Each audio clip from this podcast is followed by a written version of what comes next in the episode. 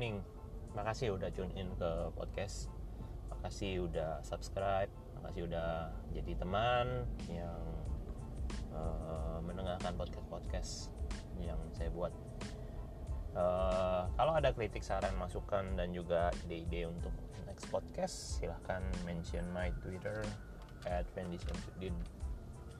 uh, kita akan lanjutin podcast kita tema pagi hari ini kita bahas tentang sebuah kriteria ya kriteria memilih pasangan. Banyak orang. Hari-hari ini saya melihat orang melihat pasangan itu dari kriteria-kriteria tertentu gitu ya. Nah, kita akan bicarain itu dan apa yang menjadi my final thoughts tentang kriteria pasangan yang akan dijadikan sebagai pendamping hidup ya kalau kita lihat mostly saat ini orang banyak melihat melihat dan mencari pasangan hidup lewat yang pertama yaitu fisik. Physical appearance atau penampilan fisik. Ya mereka mencari yang cantik yang ganteng yang good looking yang tinggi sampai bla bla bla. Salah nggak sih um, well nggak salah sih. Cuman uh, jangan jadikan itu sebagai standar utama untuk menjadi pasangan hidup. Kenapa? Karena saya mau katakan cantik ganteng itu sebuah hal yang sangat-sangat relatif dan tidak bersifat kekal buat saya physical appearance itu someday when you get old your face will change. Ketika kita berusia tambah usia tambah usia kalau kita sekedar menikah karena kagum atau karena uh, menyukai uh, penampilan fisik dari seseorang maka someday kalau itu sudah tidak melekat lagi di dalam kehidupannya kita akan menjadi kecewa. Kok begini sih? Kok dia jadi nggak seperti yang dulu sih? Gitu ya. Jadi banyak orang kecewa karena uh, hanya mengandalkan atau mengutamakan penampilan fisik ya. Bagi uh, pria kepada wanita gitu ya. Dulu langsing gitu ya. Setelah menikah dan punya anak langsung gitu nah banyak orang menjadi kecewa dan ya saya lihat banyak sekali yang di di di di, di, di dalam kenyataan saat sekarang ini. Orang banyak menceraikan pasangannya oleh karena penampilan fisiknya tidak seperti atau tidak seindah atau tidak tidak seperti yang mereka bayangkan. Nah itu. Yang pertama kriterianya adalah physical appearance. Yang kedua biasanya orang menikah itu melihat strata atau status ya status pribadi ya. Strata status pribadi. Maksudnya apa? Ya maksudnya rumah pribadi mobil pribadi eh, segala harta pribadi.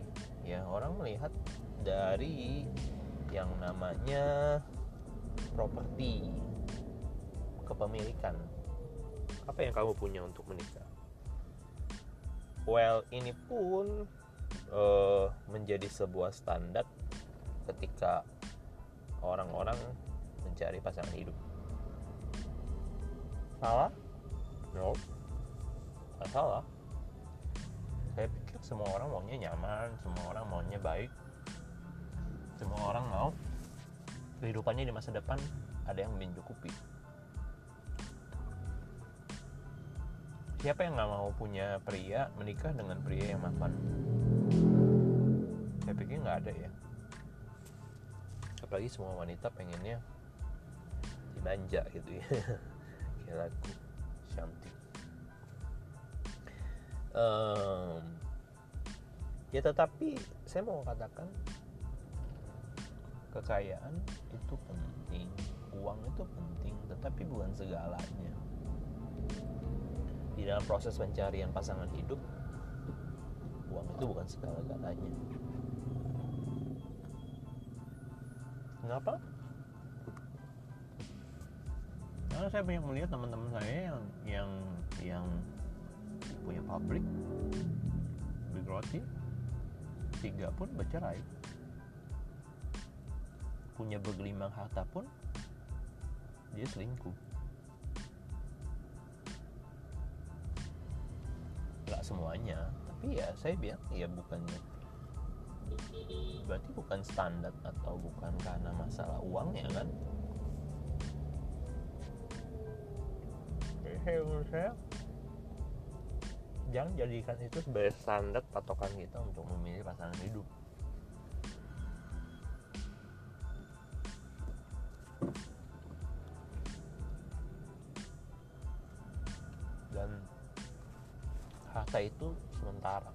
fana sifatnya harta itu bisa berubah-ubah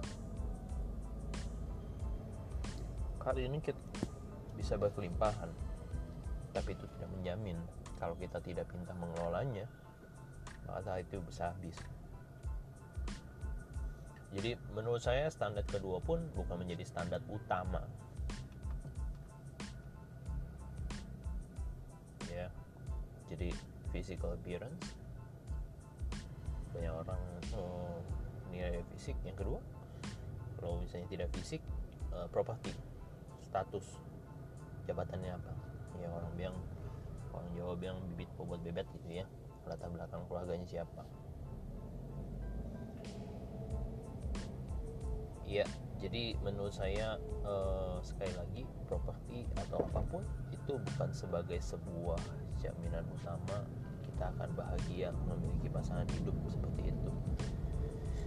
Um, hal-hal lain biasanya adalah dimulai dari uh, family ya dan jabatan gitu ya. Mungkin itu juga jadi pertimbangan itu. Orang kadang-kadang look their family dari keluarga mana pandang atau tidak terpandang gitu ya posisinya apa gitu apakah karyanya bisa meningkat dan lain sebagainya. Well itu pun juga sebagai sebuah additional value sih menurut saya. Cuman ada orang yang juga kadang ya ini saya cuma melihat kadang ada orang itu menikahkan anak karena melihat dengan siapa dia akan bersanding. Misalnya kalau keluarganya Pak Camat gitu ya atau anak Pak Camat ya secara tidak langsung kehidupannya naik gitu ya. Upgrade. Iya karena kan jadi besan gitu ya atau itu gitu secara orang tua sih. Orang tua zaman dulu kan gitu gitu. Kalau kita rakyat jelata bisa menikahkan dengan keluarga kerajaan kan secara tidak langsung harkat derajat kita akan naik upgrade. Well ya itu juga sebuah faktor salah satu faktor dalam orang mencari pasangan hidup well tapi itu bukan menjadi standar utama. Jangan mentang-mentang orang itu punya jabatan orang itu punya posisi. Terkadang kita mengabaikan prinsip-prinsip yang dinyatakan di dalam kebenaran. Kita menikah bukan lagi karena untuk kebahagiaan kita tetapi kita menikah untuk kebahagiaan yang lain kebahagiaan yang lain itu dalam tanda petik ya. Maksudnya kita ingin dipandang dihargai dihormati. Banyak sekarang orang-orang menikah itu bukan karena soal cinta loh. Ya banyak. Ada orang bahkan sacrifice their marriage just this, uh, for the sake of their parents. Hanya untuk kebahagiaan orang tuanya dijodohkan. Kemudian untuk membalas budi dan lain sebagainya. Mungkin saudara berpikir ah masa masih zaman now masih ada Siti Nurbaya ada. Saya mau katakan ada. Ya ada. Bukannya tidak ada sama sekali ada. Mungkin kita nggak nggak nggak terlalu banyak mendengarnya tetapi ada orang-orang yang mengorbankan pernikahannya menikah dengan orang yang yang tidak dia cintai tetapi dia menikah karena unsur-unsur yang tadi saya katakan family bonds dan lain sebagainya. Ada sesuatu yang dia korbankan. Menurut saya itu pun juga bukan menjadi sebuah kriteria yang baik ya di dalam pernikahan. Karena pernikahan itu kan untuk membangun sebuah uh, bahtera rumah tangga pernikahan sendiri punya sebuah tujuan. Kalau memang saudara bisa lihat di episode-episode sebelumnya saya ada buat the purpose of a marriage. Pernikahan itu bukan soal cepet-cepetan banyak orang berkata wah yang lain teman saya sudah married pastor. Oh teman-teman saya udah punya punya planning untuk menikah. Ada yang sudah punya anak dan lain sebagainya. Saya belum. Saya harus cepat ini saya harus minimal usia sekian saya harus nikah wah, they set the high standard. In the short term time. Ya. Yeah uh, menurut saya banyak yang keliru. Nikah itu bukan soal cepet-cepetan. Nikah itu soal bagaimana engkau bisa berlama-lama. Berlama-lama dengan pasangan yang kau pilih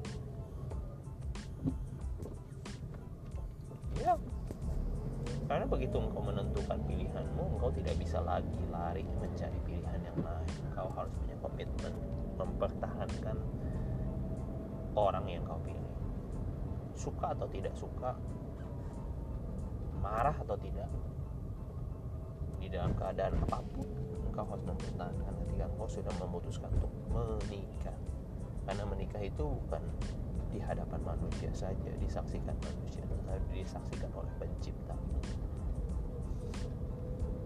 Engkau membuat janji bukan hanya di hadapan manusia tetapi mengucapkan ikrar itu di hadapan pencipta. Jadi saya mau katakan kriteria fisikal kriteria properti kriteria uh, family atau ada itu menjadi sebuah kriteria yang saat sekarang ini ngetren. Orang-orang banyak melangsungkan uh, pernikahan memilih pasangan hidup dikarenakan tiga faktor itu. Mungkin ada faktor-faktor yang lain orang-orang bisa nambahin. You can mention to my Twitter again. Um, sekali lagi saya tidak menyalahkan. Saya cuma memberikan final thoughts dari saya. Concern memasak uh, menanggapi masalah yang seperti itu yang berkembang di uh, di luaran gitu ya. Gimana sih gitu? Ya to untuk saya saya secara pribadi saya berkata bahwa yang lebih utama itu bukan karena masa fisikal. Karena fisikal itu orang semakin tua semakin berubah. Orang semakin uh, berkembangan zaman tubuh orang juga bisa berubah bisa kenceng sekarang juga bisa uh, bisa berkerut gitu ya walaupun ada teknologi-teknologi di dunia-dunia kecantikan dan estetika orang bisa operasi sana sini tetapi well one thing for sure you can deny bahwa age itu semakin bertambah akan semakin berdampak kepada fisikal. Yang kedua, properti. Ya. Berapapun asetmu, milikmu, pasanganmu, calonmu, tetap. Tapi saya mengatakan bukan itu jadi faktor utama. Itu bisa berubah kok, bisa tambah banyak, bisa tambah sedikit, bisa hilang, bisa ada. Itu itu sangat-sangat panas sekali uh, my final thoughts tentang kriteria. Yang pertama sebenarnya kalau saya lebih memilih bahwa pasangan hidup saya harusnya punya visi yang sama sama saya. Yang pertama vision. Percuma kalau saya ngomong fisikal fisikalnya cantik tetapi tidak punya sevisi yang sama dengan saya. Saya mau ke kanan dia maunya ke kiri. Saya maunya ke atas dia maunya ke bawah saya maunya kita bertumbuh di dalam Tuhan kita mencari Tuhan dia nggak mau gitu. Jadi kan susah. Tidak sevisi tidak sejalan tidak sepaham tidak sepemikiran. Saya punya mimpi saya punya goals nanti saya punya uh, financial freedom saya bisa melayani Tuhan. Dapur saya tetap ngebul saya bisa ikut dan ajak keluarga saya untuk bahagia sama-sama melayani Tuhan dan lain sebagainya kalau misalnya visi pasangan saya tidak ke arah sana akan sangat sulit mewujudkannya.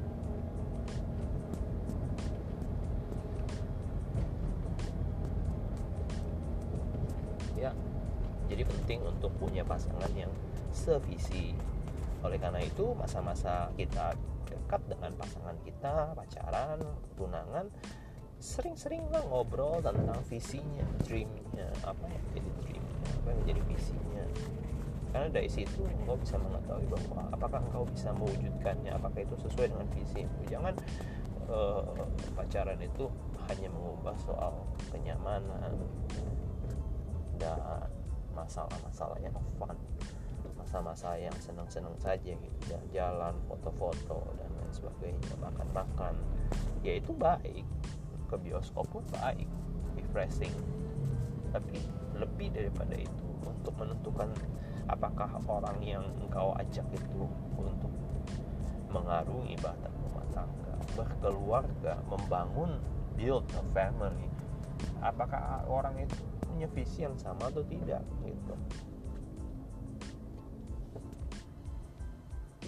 Itu lebih jauh lebih penting menurut saya kain otot saya. Setelah sevisi yang kedua menurut saya mengenai kriteria. Saya melihat bahwa perlu adanya kesepadanan. Kesepadanan itu bicara mengenai uh, prinsip dasar daripada firman Tuhan yang saya anut bahwa apakah kelebihan saya bisa menutupi kekurangan dia. Dan kelebihan pasangan saya bisa menutup apa yang menjadi kekurangan saya. Sama seperti kemarin dalam conversation saya sama istri saya kemarin malam pada saat kami mau pergi makan malam dia berkata tapi kamu orangnya begini begini begini begini menurut personal uh, analisa checkernya saya ternyata dia baru ikut seminar kemarin uh, dengan kantornya. Yang ada tipe-tipe pribadi atau uh, how to check personals and how to uh, apa ya manage the people gitu ya. Ketemu sama orang ketemu sama klien customer karena ada berbagai macam uh, sikap sifat-sifat orang ya maksudnya karakter-karakter orang. Nah gimana caranya ngadepin orang-orang seperti itu? Nah dia cerita kamu tuh tipikalnya seperti ini lebih begini begini. Terus saya nanya kalau kamu gimana? Iya kalau aku orangnya detail perfectionist aku maunya uh, segala sesuatunya tuh berjalan dengan baik ya di manage. Nah ketika saya mendengar itu saya tidak menjudge bahwa oh, kamu orangnya kepo kamu orangnya perfeksionis dan lain sebagainya. Tidak. Tentu tidak. Ya bukan karena dia sudah istri tidak. Tapi saya justru tersenyum simpul di dalam hati saya. Saya berkata Tuhan terima kasih. Kenapa? Karena Tuhan telah mengirimkan pasangan yang begitu sempurna. Yang melengkapi kehidupan saya. Saya orang yang stable saya orang yang jalan ya jalan aja. Saya nggak terlalu perhitungan saya nggak terlalu ini. Kadang makanya soal keuangan saya agak lemah. Dalam mencatat dalam mengelola kalau uang di, dikasih ke saya 100 juta mungkin saya nggak tahu. Hitung-hitungannya berbelakang oh kok duit saya kalau udah tinggal segini ya? Kok ke mana aja ya? Gini-gini saya nggak terlalu ingat tapi istri saya mencatat dia tahu ini ke sini ke sini ke sini posnya ke sini ke sini bahkan keuangan gereja dia catat. Jadi saya pikir dia orangnya detail sekali. Jadi saya bersyukur kelebihannya bisa menutupi kekurangan saya. Sepadannya itu juga ber, berbicara tentang um, bagaimana kita bisa saling melengkapi satu dengan lain ya orang ketika kita down kita dalam posisi yang lemah dia bisa menguatkan dia bisa menopang kita dia bisa memberi kita kembali semangat boost up our spirit ya memang beda sih ya. bisa dirasakan kalau saudara mengalami saat-saat khotbah kekelaman kalau saudara happy happy terus memang tidak bisa membaca bagaimana apa ya apa yang dikerjakan. Makanya perlu sebuah waktu. Nggak bisa namanya merit itu cepet-cepetan tanpa mengenal siapa pribadi yang akan menjadi pasangan hidup. Saya pernah melihat ya nggak perlu saya ceritakan mungkin uh, detailnya siapa orang tersebut. Tetapi saya pernah melihat bahwa saya dan orang tersebut pernah mengalami sebuah hal dan kondisi yang sama. Bapak saya dan mama saya orang tua saya pernah stroke kemudian pernah dirawat di rumah. Mau tidak mau istri saya secara otomatis juga ikut terlibat di dalam mengurus mereka. Nggak gampang saudara sekarang ngurus orang stroke. Orang sakit itu nggak gampang. Maka saya benar-benar appreciate dengan sebuah profesi yang namanya profesi di bidang kesehatan siapa pun saudara yang melayani uh, pasien saya pikir orang itu perlu sabar orang itu mesti yang namanya uh, apa ya tetap tersenyum tetap ramah walaupun dongkol dalam hatinya tapi tidak diunjukkan sulit memang sulit. Nah saya pernah melihat keluarga saya juga seperti itu dan bagaimana istri saya handling masalah orang tua saya yang sakit pada saat itu ya kami sering bertengkar kami juga sering namanya stress out dengan masalah. Tetapi one thing for sure yang membuat saya merasa bahwa istri saya itu mempertahankan mempertahankan dalam arti dia tidak keluar. Dia mau sebenarnya mau lari dari masalah. Dia mau menghindar. Dia mau eh saya bukan anaknya. Saya juga nggak pernah punya orang tua sampai saya rawat sedemikian rupa tetapi dia tetap mengambil sebuah komitmen untuk tetap setia. Dan saya benar-benar mencatat itu sebagai sebuah hal yang saya value saya saya hargai banget. Tapi ada keluarga yang tidak bisa seperti itu. Ya saya tidak mengatakan bahwa saudara harus mengalami itu tidak. Tetapi saya mau memberikan sebuah comparison kepada kita semua bahwa ada juga keluarga yang istrinya tidak mau melakukan itu. Istrinya lebih memilih ya udah itu kamu urusan kamu itu musibah cerita kamu. Dan istrinya meninggalkan dan ditinggal nikah lagi. Jadi kalau saya bilang bagi anda menikah itu cuma untuk senang-senang saja itu komitmen yang anda buat dalam suka dan duka itu hanya cuma lip service saja kak gimana tahu caranya gimana gimana gimana. Sekali lagi kita butuh kekuatan dari Tuhan. Kita butuh tuntunan Tuhan. Kita butuh guidance-nya dia. Jangan asal tabrak. Jangan asal pokoknya. Jangan asal maunya saya. Karena cinta itu buta. Serius. Cinta itu buta. Maka ada istilah kalau orang jatuh cinta itu serasanya melihat api seperti air melihat air seperti api. Kacau hidup. Bahkan lebih lebih ekstrim lagi orang berkata. Tai kucing itu rasanya seperti cok. Mematikan semua, semua panca inderanya bukan hanya buta.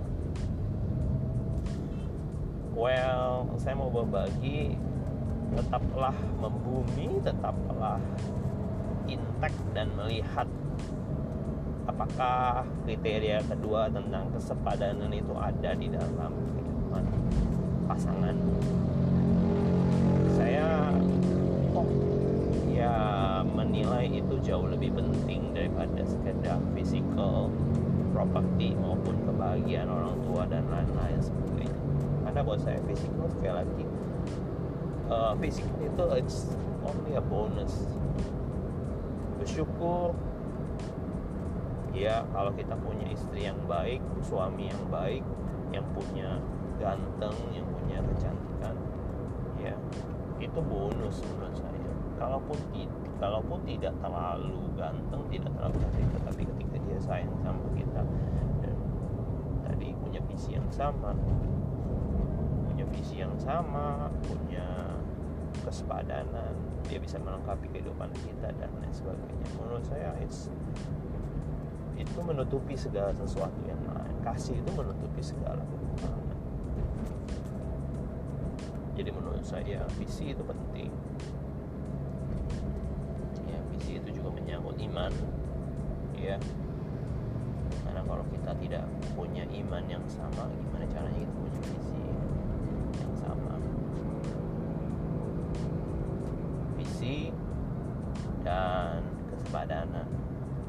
saya itu kriteria untuk teman-teman kaula muda di di luar sana untuk mencari pasangan hidupnya. E, sekali lagi buka mata lebar-lebar untuk melihat calon pasanganmu. Karena ketika engkau menikah engkau harus menutup rapat-rapat matamu. Engkau tidak lagi bisa mencacati atau mengkritik apa yang menjadi pilihan Kenapa saya berkata seperti itu? Karena pada saat engkau masih pacaran, engkau masih punya kesempatan untuk berkata putus atau engkau bisa mengakhiri. Ya memang sakit, tapi engkau masih diperbolehkan. Tidak ada undang-undangnya. Pacaran tidak boleh putus. Tetapi saya mau berkata akan sangat-sangat sulit untuk mengatakan bisa pada saat engkau sudah menikah. Karena di hadapan Tuhan apa yang telah dipersatukan oleh Tuhan tidak boleh diceraikan oleh manusia. Banyak orang berkata boleh nggak seperti ini? Saya masih muda dan sebagainya. Kalau saudara tanya sama saya saudara salah. Salah tanya. Karena saya berkata tidak boleh tapi dia selingkuh dia begini begini dia gitu kan boleh cerai kalau selingkuh ya silahkan kalau saudara memaksa untuk bercerai silahkan saja. Tetapi saudara pun tidak boleh menikah. Oh, kok gitu sih pastor? Kok adil? Saya kan masih muda saya berhak mencari kebahagiaan saya. Saya bilang tidak boleh. Selama suamimu selama pasanganmu selama istrimu masih hidup engkau bercerai tidak ada alasan untuk engkau menikah dengan orang lain. Karena dengan seperti itu engkau sedang melakukan zina. Mungkin sedikit agak sedikit ya. Agak keluar tapi saya hanya mau mengatakan bahwa itu sebuah alasan kenapa saya mengatakan bahwa ketika engkau sudah menikah tutup rapat-rapat jangan beri lagi kesempatan untuk kita melihat kekurangan pasangan kita yang saya pernah ngomong juga soal sport commitment. Gimana berubahnya physical appearance? Maka dia kondisinya sehat atau sakit? Apa pun propertinya dia dalam saat keadaan diberkati ataupun tidak diberkati sekalipun. Tutup mata. Yes yes. Tidak ada jalan lain selain engkau punya komitmen di hadapan Tuhan. Untuk engkau tetap terus tetap harus setia pada pasangan. Sebuah hal yang sulit makanya saya mau katakan nikah itu bukan sebuah perkara yang gampang. Siapa yang bilang menikah itu gampang? Ucapinnya gampang. Kalau buat senang-senang buat happy-happy buat foto-foto yang bagus gampang.